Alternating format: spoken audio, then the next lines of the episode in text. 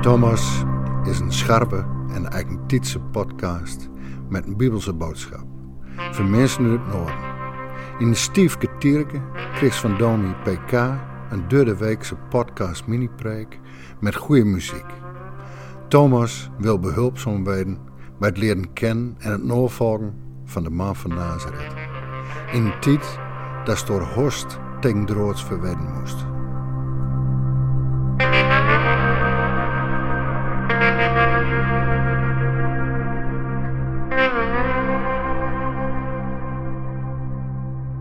Hoe dik is jouw ik, jouw ego? Om die vraag voor jezelf te kunnen beantwoorden, moet ik je misschien even wat meer vertellen over wat het dikke ik precies is. Het is een sprekende typering van de tijdsgeest, van de filosoof Harry Kuneman. Volgens hem is het een passend beeld voor de mateloze consumptiedrift van onze samenleving. Hij bedacht het etiket in 2015.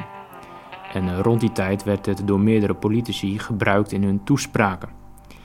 Het dikke ik heeft volgens Koeneman drie kenmerken: steeds dikker worden, jezelf dik maken en een dikke huid hebben. Het eerste wil zeggen: het is nooit genoeg. Je wilt altijd meer. Maar om dat vol te kunnen houden, moet je jezelf dikker maken, presteren, concurreren en anderen opzij zetten. En daar heb je vervolgens weer een dikke huid voor nodig. Want jouw geluk is jouw prestatie en de ellende van anderen is hun eigen probleem. Het dikke ik duldt geen tegenspraak, wordt snel boos, geeft anderen de schuld en kijkt zelden kritisch in de spiegel. Ik weet niet of je het herkent of het eens bent met deze filosoof, maar ik herken er wel iets in van mijzelf. Van anderen ook, de samenleving als geheel. En ik zie ook dikke ikken in de kerkbank. In deze podcast wil ik daarom wat helzaam tegenwicht bieden aan wat bekend staat als het dikke ik. Als er namelijk iemand is die geen last heeft van een dik ik, dan is het de Pinkstergeest van Christus. De geest is namelijk een stille, dienstbare kracht die de schijnwerpers op Jezus richt. En je zult merken dat Christus die geest en die dienstbaarheid aan je wil geven om vol te zijn van Hem.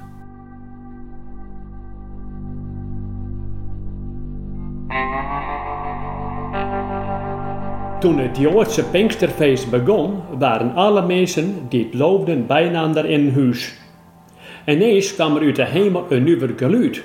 Het was krekt wat het hart begon te waaien. Het was overal in huis te horen. Ook zagen de mensen die het loofden vlammen die het leken op vuur. Dat vuur patte zich in vlammen en op elke kwam een vlamdel. Zo kwam de Heilige Geest in alle mensen die het loofden. Daardoor begonnen ze vreemde talen te praten.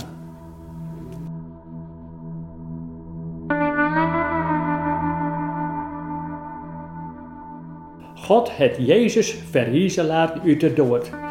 Wij hebben hem zelf zien. Nou is Jezus in de hemel. Hij zit aan de rechterhand van God. Hij heeft de Heilige Geest gekregen, zodat God het beloofd heeft. En Jezus het de Heilige Geest aan ons geven. Dat hebben we hem zelf zien en horen kennen. David is niet omhoog gaan naar de hemel. En toch het hij zoiet, God zei tegen mijn Heer, kom naast me zitten aan de rechterhand. Ik zal die vijanden diep voor je bugen laten. Ook die woorden gaan dus niet over David zelfs, maar over Jezus. Elke een in Israël moet weten dat deze Jezus de Heer is. Elke een moet weten dat God deze Jezus uitgekozen is als Messias. Dat is dus de man die het jimme aan het kruis hongen hebben.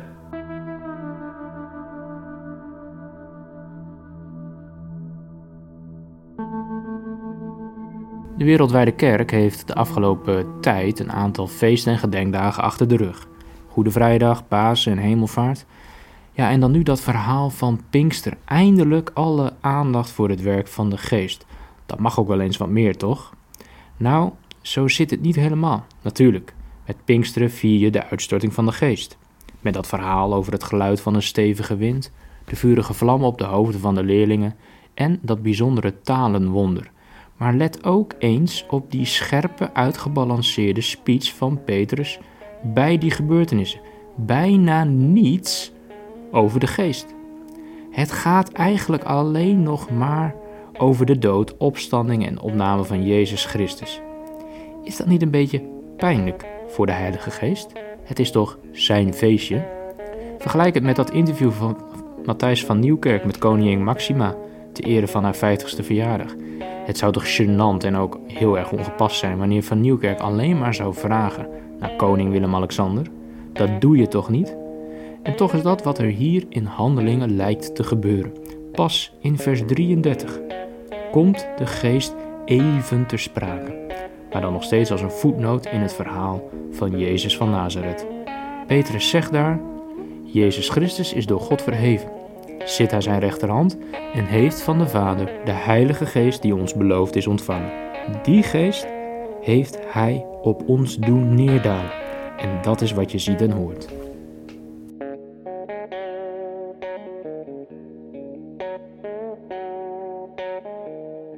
Maar wat is er hier precies aan de hand?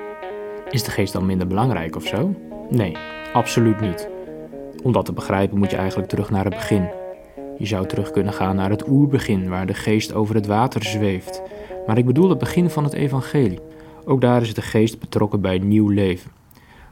Met Pinksteren deelt Jezus Christus dan wel zijn geest uit, maar eerst is er de beweging van de geest naar Jezus toe. Denk aan het bericht van de engel dat Maria krijgt. De geest zal over je komen en je zal zwanger worden.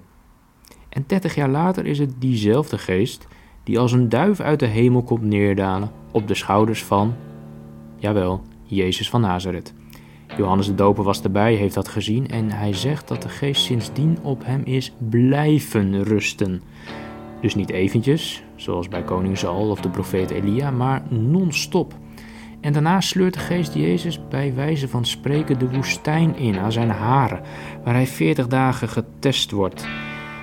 En na die zware beproeving keert Jezus volgens Lucas vervuld met de kracht van de geest naar Galilea terug.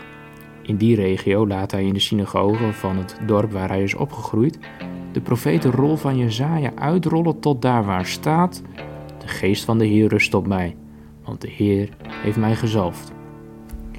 Volgens de brief aan de Hebreeën, dat komt er nog bij, gaf Jezus vervolgens zijn leven door de kracht van de geest. En het was ook de geest die hem de levensadem inblies bij zijn opwekking. Romeinen 8. Vanaf het begin gaat de geest naar Jezus toe. En omdat Jezus heel zijn leven vervuld is met Gods geest, kan Hij nu ook jou en mij in vuur en vlam zetten. Voor Jezus. Of om het met Johannes de Doper te zeggen, Hij zal u dopen met de Heilige Geest en met vuur. De geest gaat aan Jezus vooraf, rust op hem en wordt door hem doorgegeven.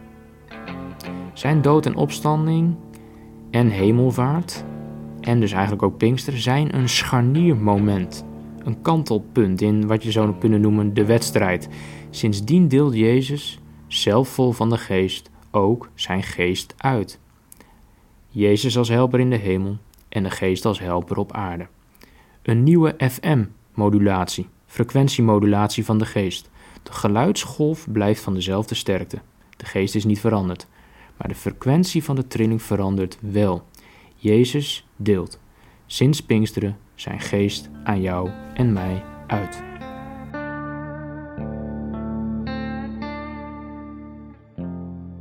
Zo gezien is het feest van Pinksteren vooral ook het feest van Christus.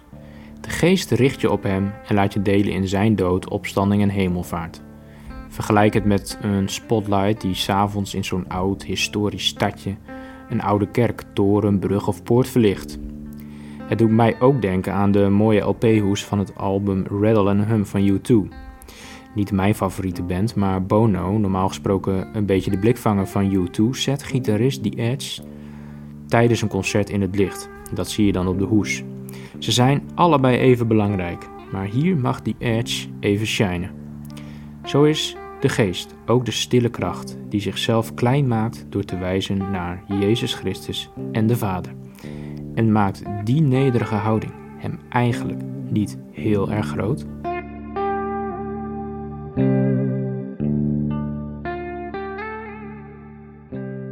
Jezus Christus doopt zijn leerlingen toen en vandaag met de geest en met vuur. Zo kan je ook vandaag in vuur en vlam staan voor Jezus Christus. Ik wil daar nog twee dingen over zeggen. Allereerst is het goed om te weten: de geest die Jezus geeft, heeft een scherp, vurig randje. Kijk maar naar wat een door de geest vervulde Jezus van Nazareth overkomt. Hij wordt door de geest naar de woestijn gestuurd. Wat daar volgt wordt niet voor niets kort en zakelijk beschreven. Het moet een groot drama van bloed, zweet en tranen zijn geweest. De geest van Christus geeft toewijding, zelfbeheersing, opofferingsbereidheid en, geloof het of niet, gehoorzaamheid aan geboden en verboden. Het tweede sluit aan bij de inleiding. Ik vind het indrukwekkend om te herontdekken hoe God de Vader, de Zoon en de Geest samenwerken, elkaar aanvullen, de ruimte geven, elkaar scherp houden en van elkaar houden met heilige liefde. De Geest die de schijnwerper op Christus zet en jou naar het beeld van die Jezus wil veranderen. Zouden jij en ik niet iets meer van die houding kunnen imiteren? Zou je de Geest niet wat vaker moeten vragen of hij je dikke ik wat kleiner wil maken? Dat jij en ik in ons dagelijks leven onze mening en verlangens opzij zetten en het licht vol op Jezus Christus richten.